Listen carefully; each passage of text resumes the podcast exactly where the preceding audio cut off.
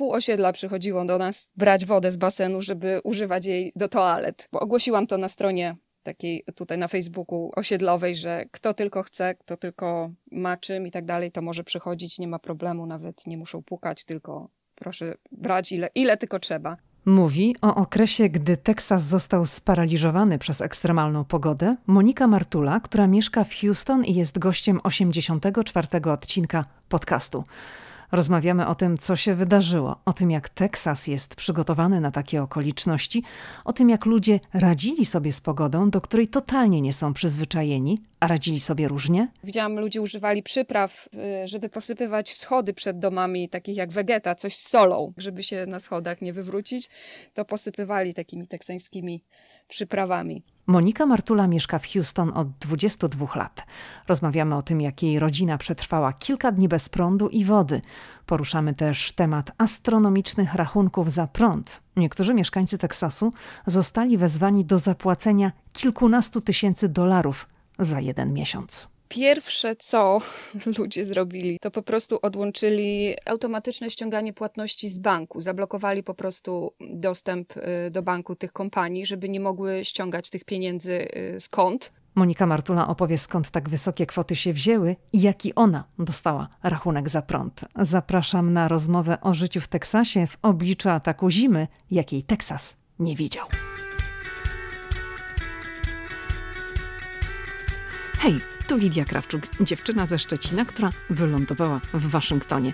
Ameryka mnie fascynuje, żyję w niej od ponad dekady i cały czas ją odkrywam. Podróż do Stanów Zjednoczonych była zawsze moim marzeniem.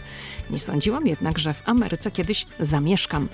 Jeśli ciebie, tak jak mnie, ciekawią Stany i chcesz wiedzieć o nich więcej, to jesteś we właściwym miejscu. Opowiadam tu o Ameryce, o życiu w Stanach i o tym wszystkim, co odkrywam podczas mojej amerykańskiej przygody. Zapraszam na podcast i ja. Zaczynamy.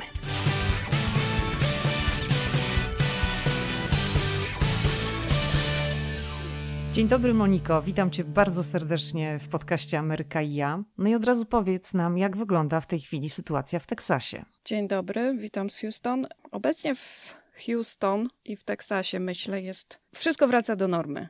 Temperatura jest taka, jaka powinna być, około 15 stopni w tym momencie, jest 10 rano. Mówimy o Celsjuszach. Celsjusza, tak, Celsjusza wszystko wraca do normy. W ostatnich dniach, zwłaszcza w ubiegłym tygodniu, widzieliśmy te dantejskie sceny, które działy się w Teksasie. Widzieliśmy śnieg, samochody, które nie mogły przejechać. No i oczywiście słyszeliśmy te wszystkie informacje na temat dostaw prądu. To powiedz nam, co działo się w tym czasie w Houston z Twojej perspektywy? Zaczęło to się w zeszłą niedzielę, tydzień temu. Po południu zaczął padać śnieg bardzo powoli, delikatnie. Wszyscy myśleli, że na tym się skończy. Temperatury zapowiadali niskie już tydzień, dwa tygodnie wcześniej, także przygotowywaliśmy się na, na niskie temperatury jak mogliśmy. A powiedz, czy to jest y, normalne, że temperatura spadła do takiego poziomu? Normalne w, w tej części Stanów Zjednoczonych? Nie, to jest kompletnie nie, niespotykane tutaj. Średnia temperatura w lutym w Houston w ciągu dnia jest 13 stopni Celsjusza. Średnio 10 dni w roku tylko temperatura spada do, w ciągu całego roku temperatura spada do 0 stopni albo poniżej 0 e, stopni.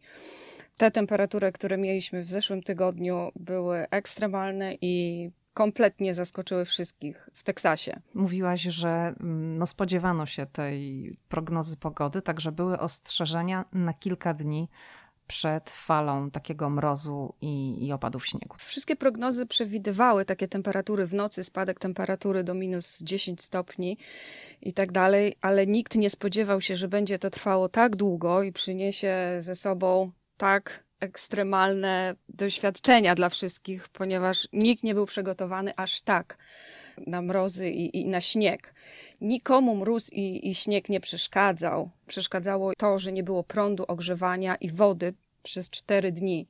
Dla niektórych ciągle. Powiedz, y, Moniko, czy Houston, miasto, w którym mieszkasz, nie wiem, czy mogę tak globalnie mówić o, o całym Teksasie, czy stan infrastrukturalnie w ogóle jest przygotowany do takiej pogody? No bo tam, gdzie tego typu pogoda występuje, no to są pługi, odśnieżarki, jest sól do posypywania dróg, chodników. A jak to wygląda u Was? W tej kwestii Teksas jest nieprzygotowany kompletnie. Nie mamy pługów, nie mamy piaskarek, nie ma soli. Do po... Jakieś sporadyczne przykłady były, widziałam na, na y, autostradach.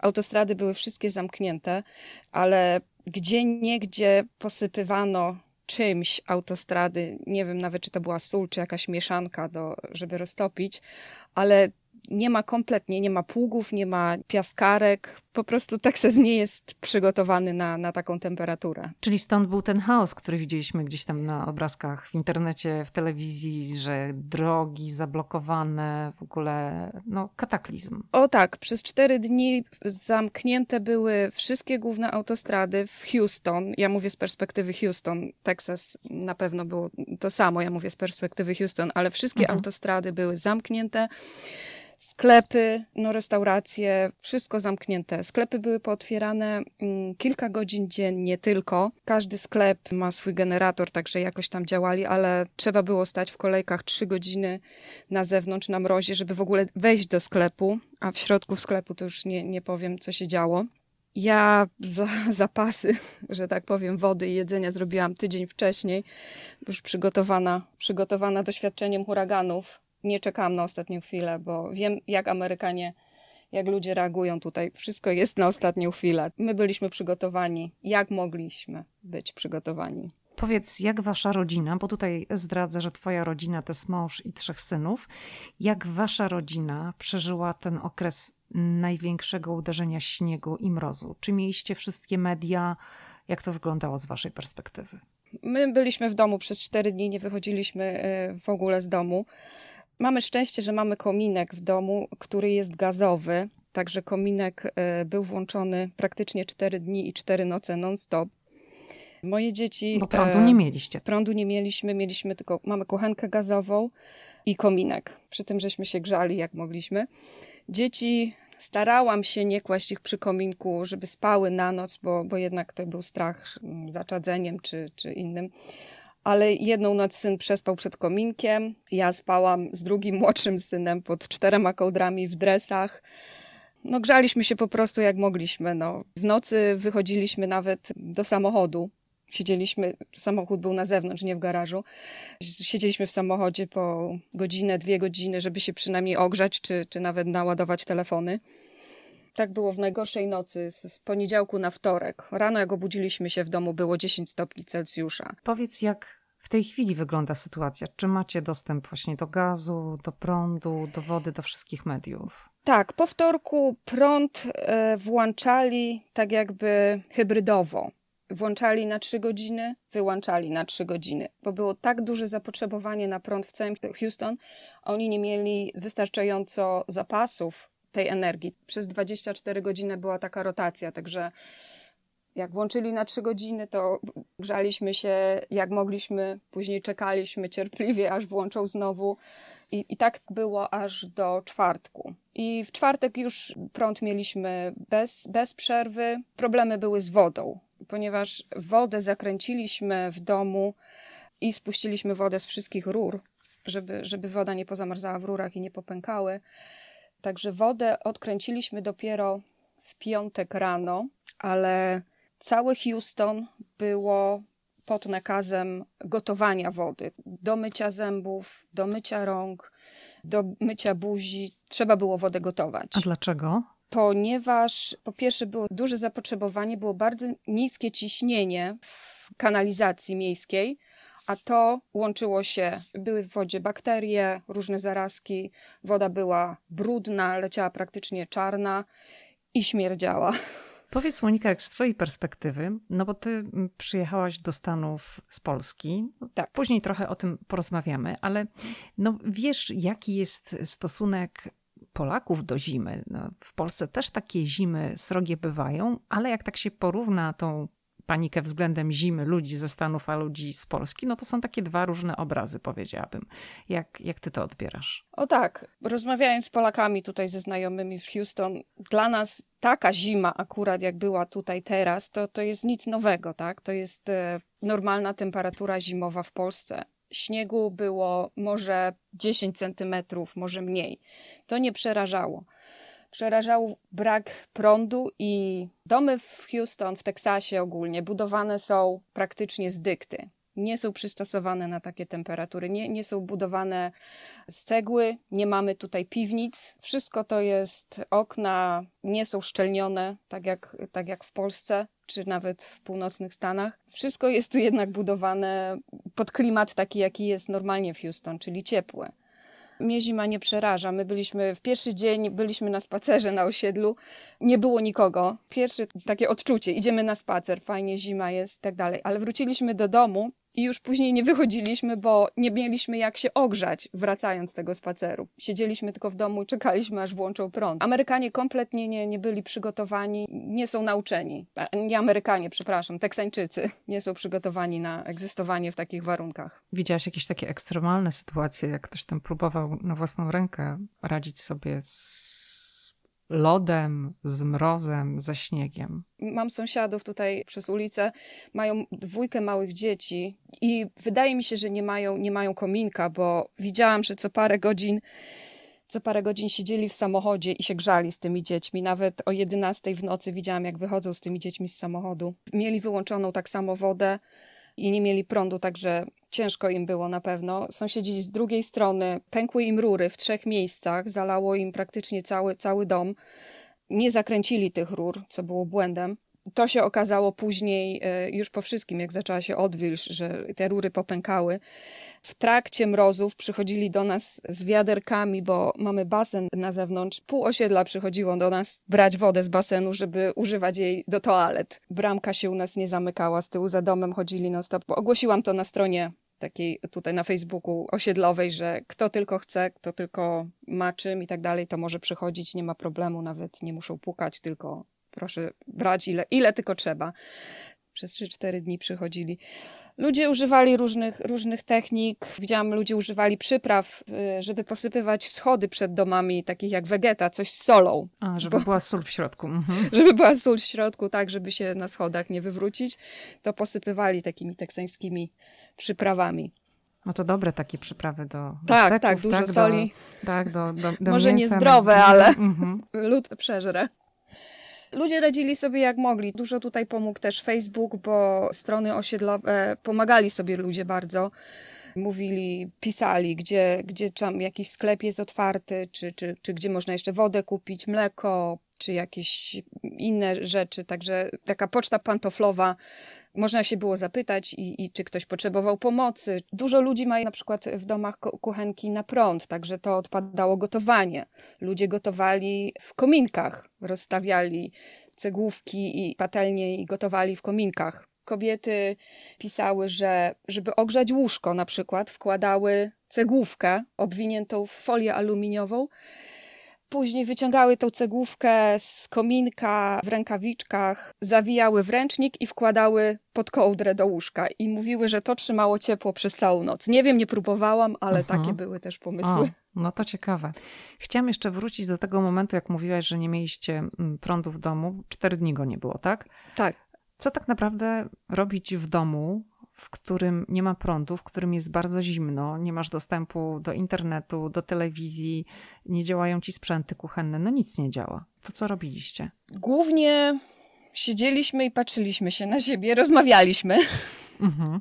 Ja zaczęłam czytać książkę. Dzieci grały w jakieś gry na telefonach, które miały wczytane, że tak powiem, i niepotrzebna była sieć y, bezprzewodowa praktycznie nic, nic nie robiliśmy. Siedzieliśmy, patrzyliśmy się na siebie i, i rozmawialiśmy. A co z posiłkami? Mąż się śmiał, że już dawno nie, nie, nie było nas e, w jednym pokoju wszyscy razem no tak. w jednym czasie. A co z posiłkami? No ja miałam, mam kuchenkę gazową, także na gazie gotowałam. Uh-huh, tak. e, znaczy potrzebna była iskra tylko, żeby odpalić, ale to zapalniczką odpalałam. Także gotować gotowaliśmy. Znaczy ja gotowałam czy zupy, czy, czy, czy żeby się ogrzać. Posiłki nie były problemem. Problemem było właśnie, żeby zachować jedzenie, bo wiesz, lodówka była wyłączona, nie było prądu, także dużo jedzenia się zmarnowało, co było w, lodówce. Ale można było wystawić na zewnątrz. Tak, wystawiliśmy y, dwa pojemniki całe z zamrażarki na zewnątrz, stały, bo na zewnątrz było oczywiście zimniej niż, niż, niż wszędzie indziej, było minus 10 stopni, także jedzenie z zamrażarki nie rozmroziło się, było zamrożone cały czas. Ratowaliśmy co mogliśmy. Telefony ładowaliście w samochodzie. Tak, telefony ładowaliśmy w samochodzie. Ja mam y, y, i dzieci mamy taką słabą sieć, że jak wyłączali prąd, to automatycznie telefony przestały działać, nie było żadnego, żadnego kontaktu ze światem. A mąż ma, ma jedynie, on ma z pracy telefon, także on jeszcze jako tako byliśmy w kontakcie ze wszystkimi dzięki je, jego telefonowi. Ale ładowaliśmy tak, ładowaliśmy telefony w samochodzie. Siedzieliśmy nieraz po godzinie, po dwie, ogrzać się i, i, i naładować telefony. Słuchaj, chciałabym jeszcze wrócić na chwilę do domów mm, w Teksasie, bo powiedziałaś, że one są przystosowane bardziej do chłodzenia niż do tego, żeby było w nich ciepło, bo wynika to właśnie między innymi z klimatu. Tak. I mm, jak zaczęły pojawiać się te wszystkie informacje na temat sytuacji w Teksasie, to ja trochę przeglądałam sobie również polskie portale, mm, tak z ciekawości, co się na ten temat pisze, i natknęłam się na taką informację, no, że domy w Teksasie nie są przystosowane niektóre, nawet bo nie mają kaloryferów.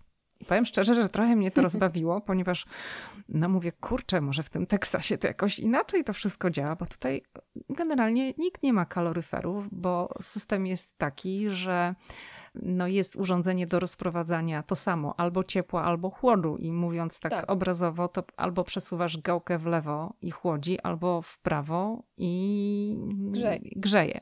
Tak.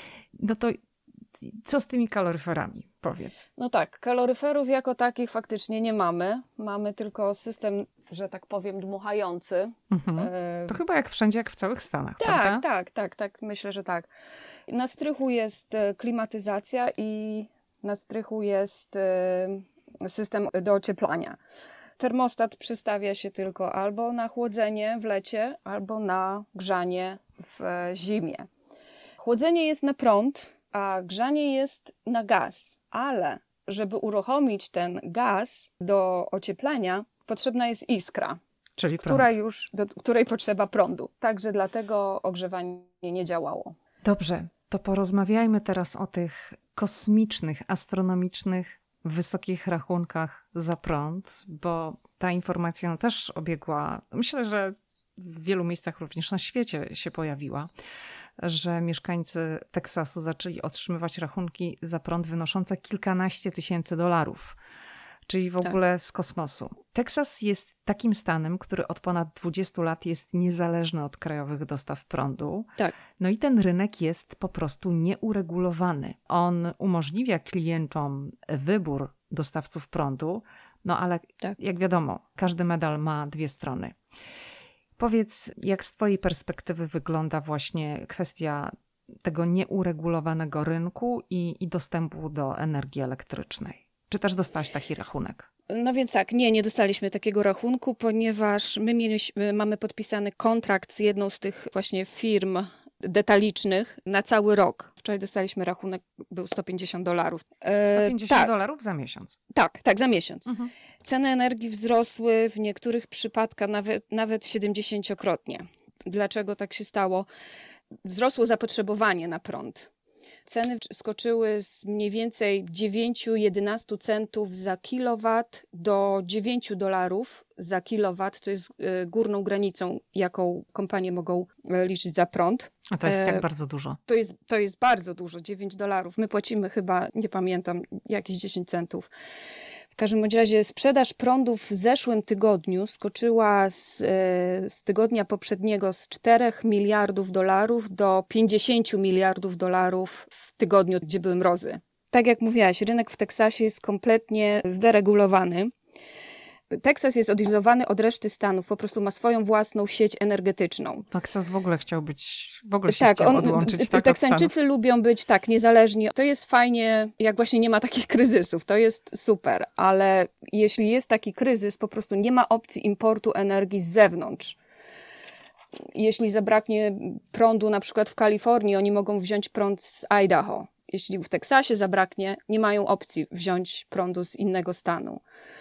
Dlatego wszyscy ludzie, którzy mieli kontrakty na prąd z miesiąca na miesiąc, nie mieli Mhm. długoterminowych kontraktów, znaleźli się w takich sytuacjach, że ich rachunki, dużo tych firm z 220 sprzedawców detalicznych, dużo tych firm zbankrutowało po prostu, bo nie było ich stać. I oni odsprzedawali te swoje kontrakty z ludźmi do innych firm. I te firmy nie miały kontraktu z ludźmi i dlatego mogły ich e, liczyć e, za kilowat taką cenę, jaką ich liczą. Dlatego te rachunki takie, takie są duże. Od tysiąca do nawet 16 tysięcy za miesiąc, słyszałam przypadek w Dallas był. Ja słyszałam właśnie, gdzieś czytałam um, artykuł na ten temat w Washington Post, że był rachunek na 17 tysięcy dolarów Tak, za miesiąc. tak, tak. A powiedz, bo ty powiedziałaś, że rachunek, który wy otrzymaliście, to jest 150 dolarów, dlatego że wasz kontrakt, który podpisaliście z dostawcą energii, to jest kontrakt na rok. Dlaczego ludzie podpisują umowy z firmami, gdzie właśnie te kontrakty są miesięczne? To jest tak, że ludzie mieszkają w różnych, w różnych warunkach. Na przykład ludzie, którzy mieszkają w apartamentach i wynajmują mieszkania i wynajmują niejednokrotnie na przykład tylko na trzy miesiące albo na sześć miesięcy i później zmieniają i po prostu nie opłaca im się trzymać y, tego przez cały rok, Mhm. tylko firma na przykład daje im dobre, dobre warunki umowy na przykład na miesiąc albo żeby przechodzić z miesiąca na miesiąc. I to są dobre warunki odpowiednie dla, dla danej osoby. My mieszkamy w domu już dosyć długo, także nam się opłaca przedłużać kontrakty co roku. Po prostu jest bardziej opłacalne. Mhm. I dzięki temu po prostu uniknęliście tej Tak, sytuacji. tak. Nie mieliśmy niespodzianki. W zimie jest normalna cena, bo w lecie to, to dochodzi do, do 400-500 dolarów na miesiąc. Z powodu Z używania powodu klimatyzacji. ogrzewania, y, chłodzenia, które jest na prąd, tak. Mhm. tak. W takim razie, jak ludzie reagują na te rachunki? Bo mówiłaś, że część po prostu firm zbankrutowała, że została automatycznie przerzucona do innych dostawców prądu, a ci z kolei narzucili swoje stawki z góry.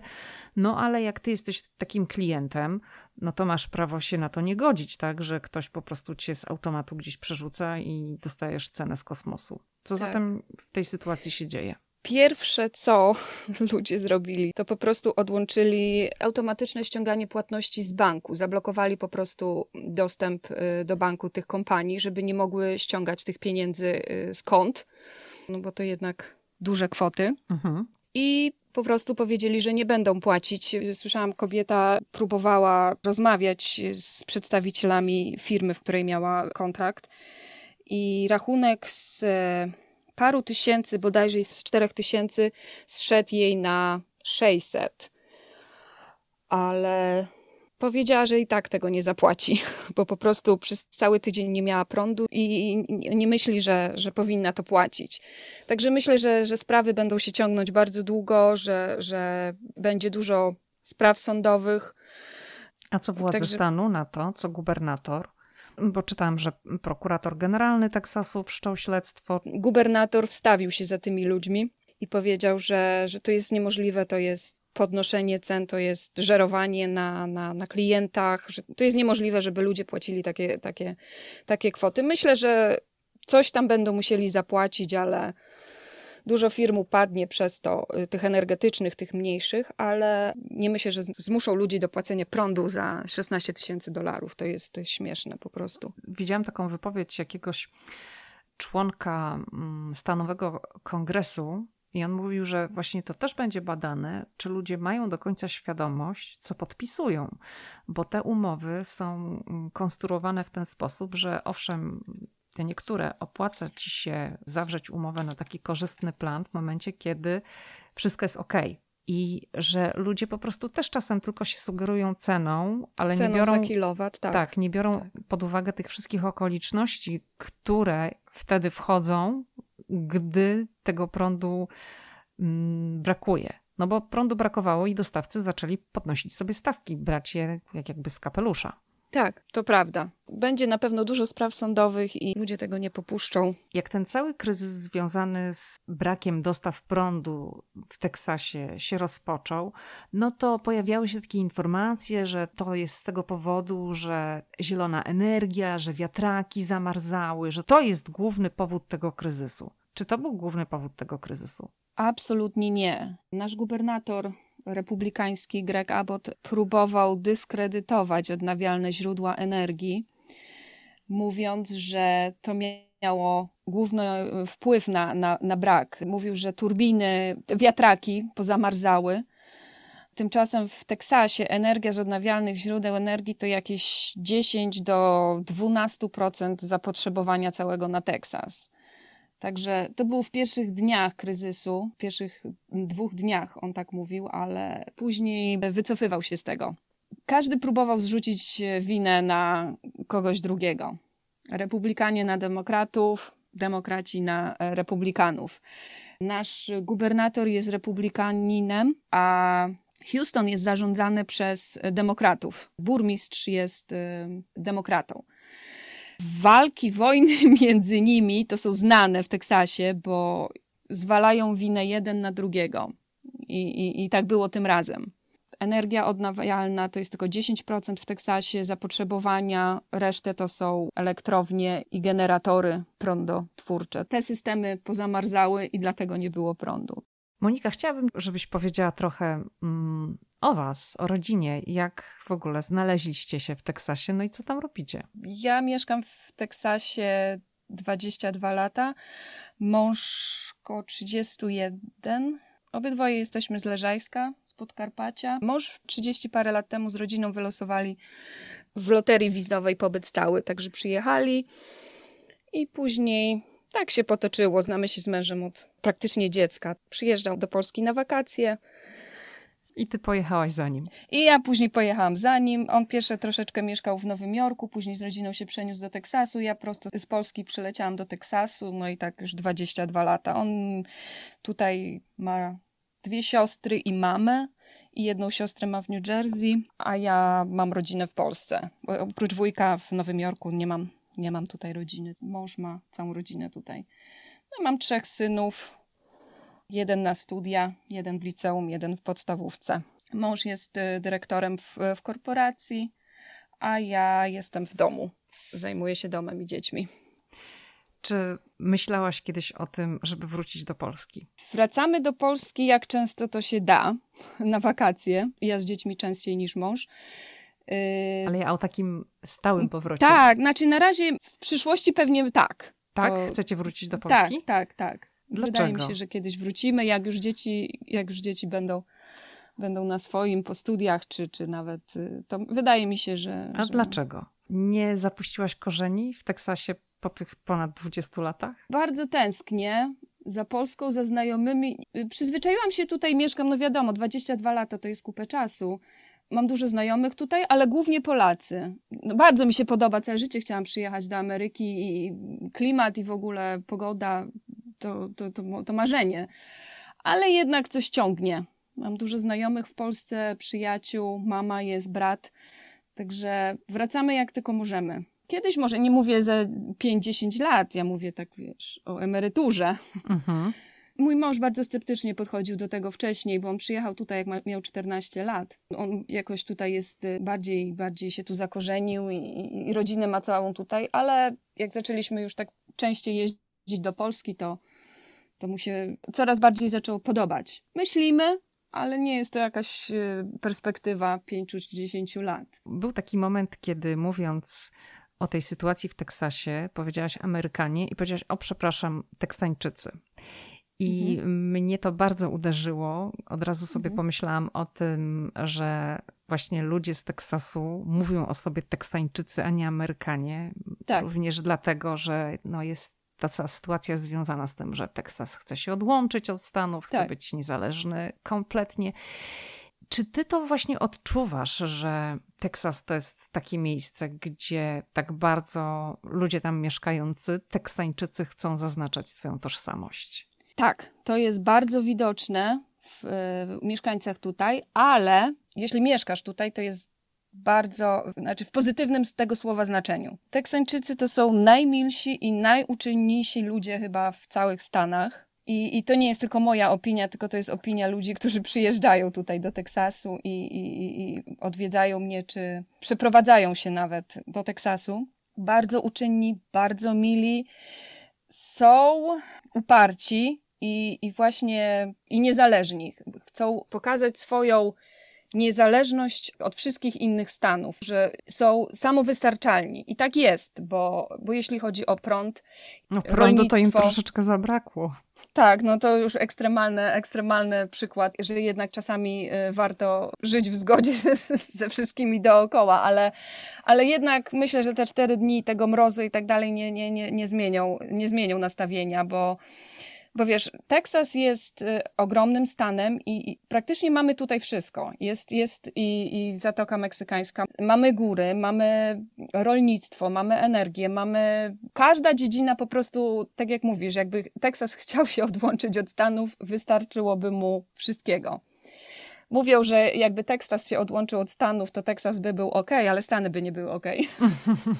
A tego nie Takie słyszałam. słyszałam opinie. A ty uważasz, że Teksas powinien się odłączyć? No nie, no coś ty, no absolutnie. No to jest tak abstrakcyjne, że ja tu się śmieję z tego. To, to, to nie jest, wiesz, XVII-XVIII wiek, że, że można sobie tak stan, to jest utopijne, wiesz, myślenie. Oczywiście ich tak, oni- ale no wiesz, no zawsze można mm, być albo za, albo przeciw. Nie, nie jestem absolutnie. Jakby tylko chciał się odłączyć, to, to ja się przeprowadzam gdzie indziej, to ja nie, nie chcę mieszkać, wiesz. Mhm. Ale to, to, to, to jest. Ale takie mają mniemanie o sobie i takie mają wrażenie, że oni by byli okej. I masz wrażenie, jak mieszkasz tutaj, że, że Teksańczycy to jest, wiesz, osobny naród, osobna nacja. Oni mają swoją, swoją kulturę, sw- swój sposób bycia, swój sposób ubierania, mowy. Także to są specyficzni ludzie. Oni są bardzo niezależni, bardzo dumni z tego, gdzie mieszkają. Nie lubią wpływu innych, innych stanów na siebie, bo to jest dla nich obraza, jak ktoś im ma mówić, co mają robić i tak dalej.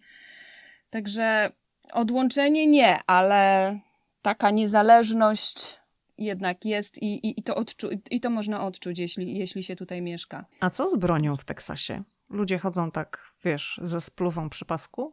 Na ulicy się widzi? Z otwartą bronią nie możesz y, chodzić na ulicy tak, żeby widać tą broń było. Mhm. ale dużo ludzi, dużo ludzi ma, tak.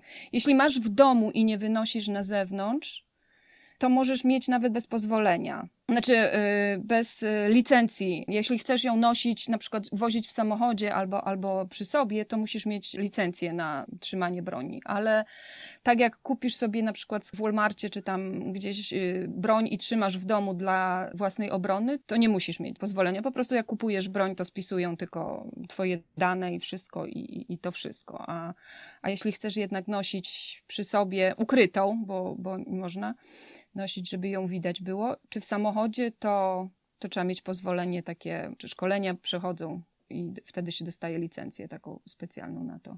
Ale broń ale broń jest, broń Mhm. jest y, dostępna wszędzie. Nawet teraz, jak zaczęła się tak, rok temu, jak zaczęła się pandemia, mamy braki w amunicji. Nie można nigdzie dostać amunicji w całym Houston. A z czego to wynika twoim zdaniem? No nie, wiesz co, no tak w sumie to nie wiem. Boją się no, czegoś nowego, czegoś niespotykanego.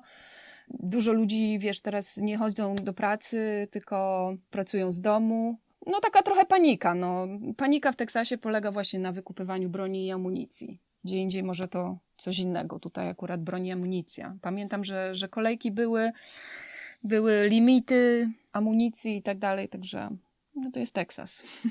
A powiedz, czy mm, życie w takim stanie, gdzie no, dostęp do broni jest taki powszechny, no bo jest powszechny, czy to budziło w tobie mm, początkowo jakieś lęki? No bo zakładam, że w tej chwili, skoro tam żyjesz tyle lat, to ci nie przeszkadza. Nie, nie, nie przeszkadza mi absolutnie. Na początku, jak przyjechałam 22 lata temu, to nawet nie myślałam o tym, nie, nie zdawałam sobie sprawy. Później dopiero zaczął się temat, że ktoś tam ma broń ze znajomych, ktoś y, ma w samochodzie. Chodzenie na strzelnicę tutaj to jest y, forma rekreacji. Jak ktoś idzie do kina czy na kręgle, to tutaj chodzą na strzelnicę.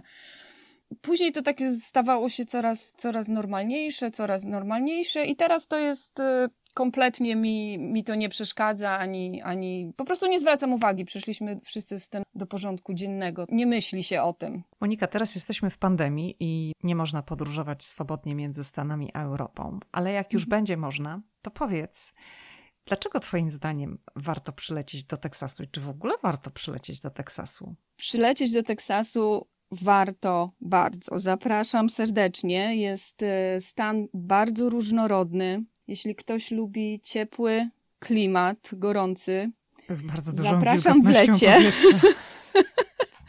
średnie temperatury w lecie, najcieplejsze miesiące, lipiec, sierpień, średnie temperatury to, są, to jest jakieś 35 do 40 stopni z wilgocią dochodzącą do 90%. Zwariować można. E, tak, można. No ale sam stan jest pięknym stanem. Mamy, mamy kaniony, jeziora, mamy góry, mamy Zatokę Meksykańską, NASA w Houston. Niedaleko no, to jest, Houston. to jest świetne miejsce. Ja je kiedyś zwiedzałam wiele lat temu. Mm, Tak. I ten basen taki, w którym astronauci ćwiczą przed wyprawami Tak. na Międzynarodową Stację Kosmiczną, to zrobiło na mnie takie duże wrażenie. No, także to, Tak, jest, to jest świetna rzecz do polecenia. To prawda.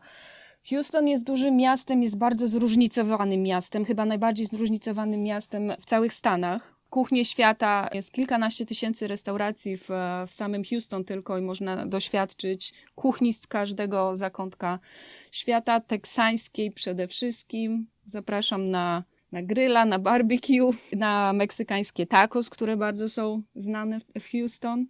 Teksas jest e, dużym stanem. Houston, San Antonio, Austin, Dallas, piękne parki w całym Teksasie, także zapraszam. A powiedz, czy teraz w covid te wszystkie restauracje, o których opowiadasz, są otwarte? Tak, są otwarte, zamknięte są tylko bary, tam gdzie nie ma jedzenia, ale jeśli jest, nie, nie pamiętam dokładnie jaki procentycz jedzenia w barze, to jest otwarte. W restauracjach jest chyba 50% albo 75%. W lokalu może przebywać 75% chyba pozwolonej liczby ludzi. Na początku pandemii, no to wiadomo, było, było bardziej ostrzej, ale teraz już nie ma, nie ma praktycznie Wiadomo, maseczki, maseczki wszędzie, w sklepach, na ulicy, no to, to tutaj się nie chodzi, tutaj, tutaj ludzie nie chodzą, nie spacerują, ale w sklepach, w restauracjach, no to do, dopóki nie usiądziesz przy stole, to maseczki, no to tak myślę, że jak wszędzie, w każdym, w każdym stanie. I, I nie ma jakichś takich obostrzeń, które na co dzień bardzo by przeszkadzały. Normalnie życie się toczy, są restauracje, sklepy, wszystko otwarte. Z ograniczoną li- liczbą ludzi w środku, ale, ale otwarte. Monika Martula z Houston w Teksasie. Bardzo Ci dziękuję za rozmowę. Dziękuję bardzo i pozdrawiam. To tyle na dziś. Przypominam, że premierowe odcinki podcastu Ameryka i ja ukazują się we wtorki, a w międzyczasie, w międzyczasie odzywam się oczywiście na Instagramie. Jest jeszcze mój blog Ameryka i ja oraz książka Ameryka i my, którą napisałam wspólnie z moim mężem Pawłem Żuchowskim. Do usłyszenia.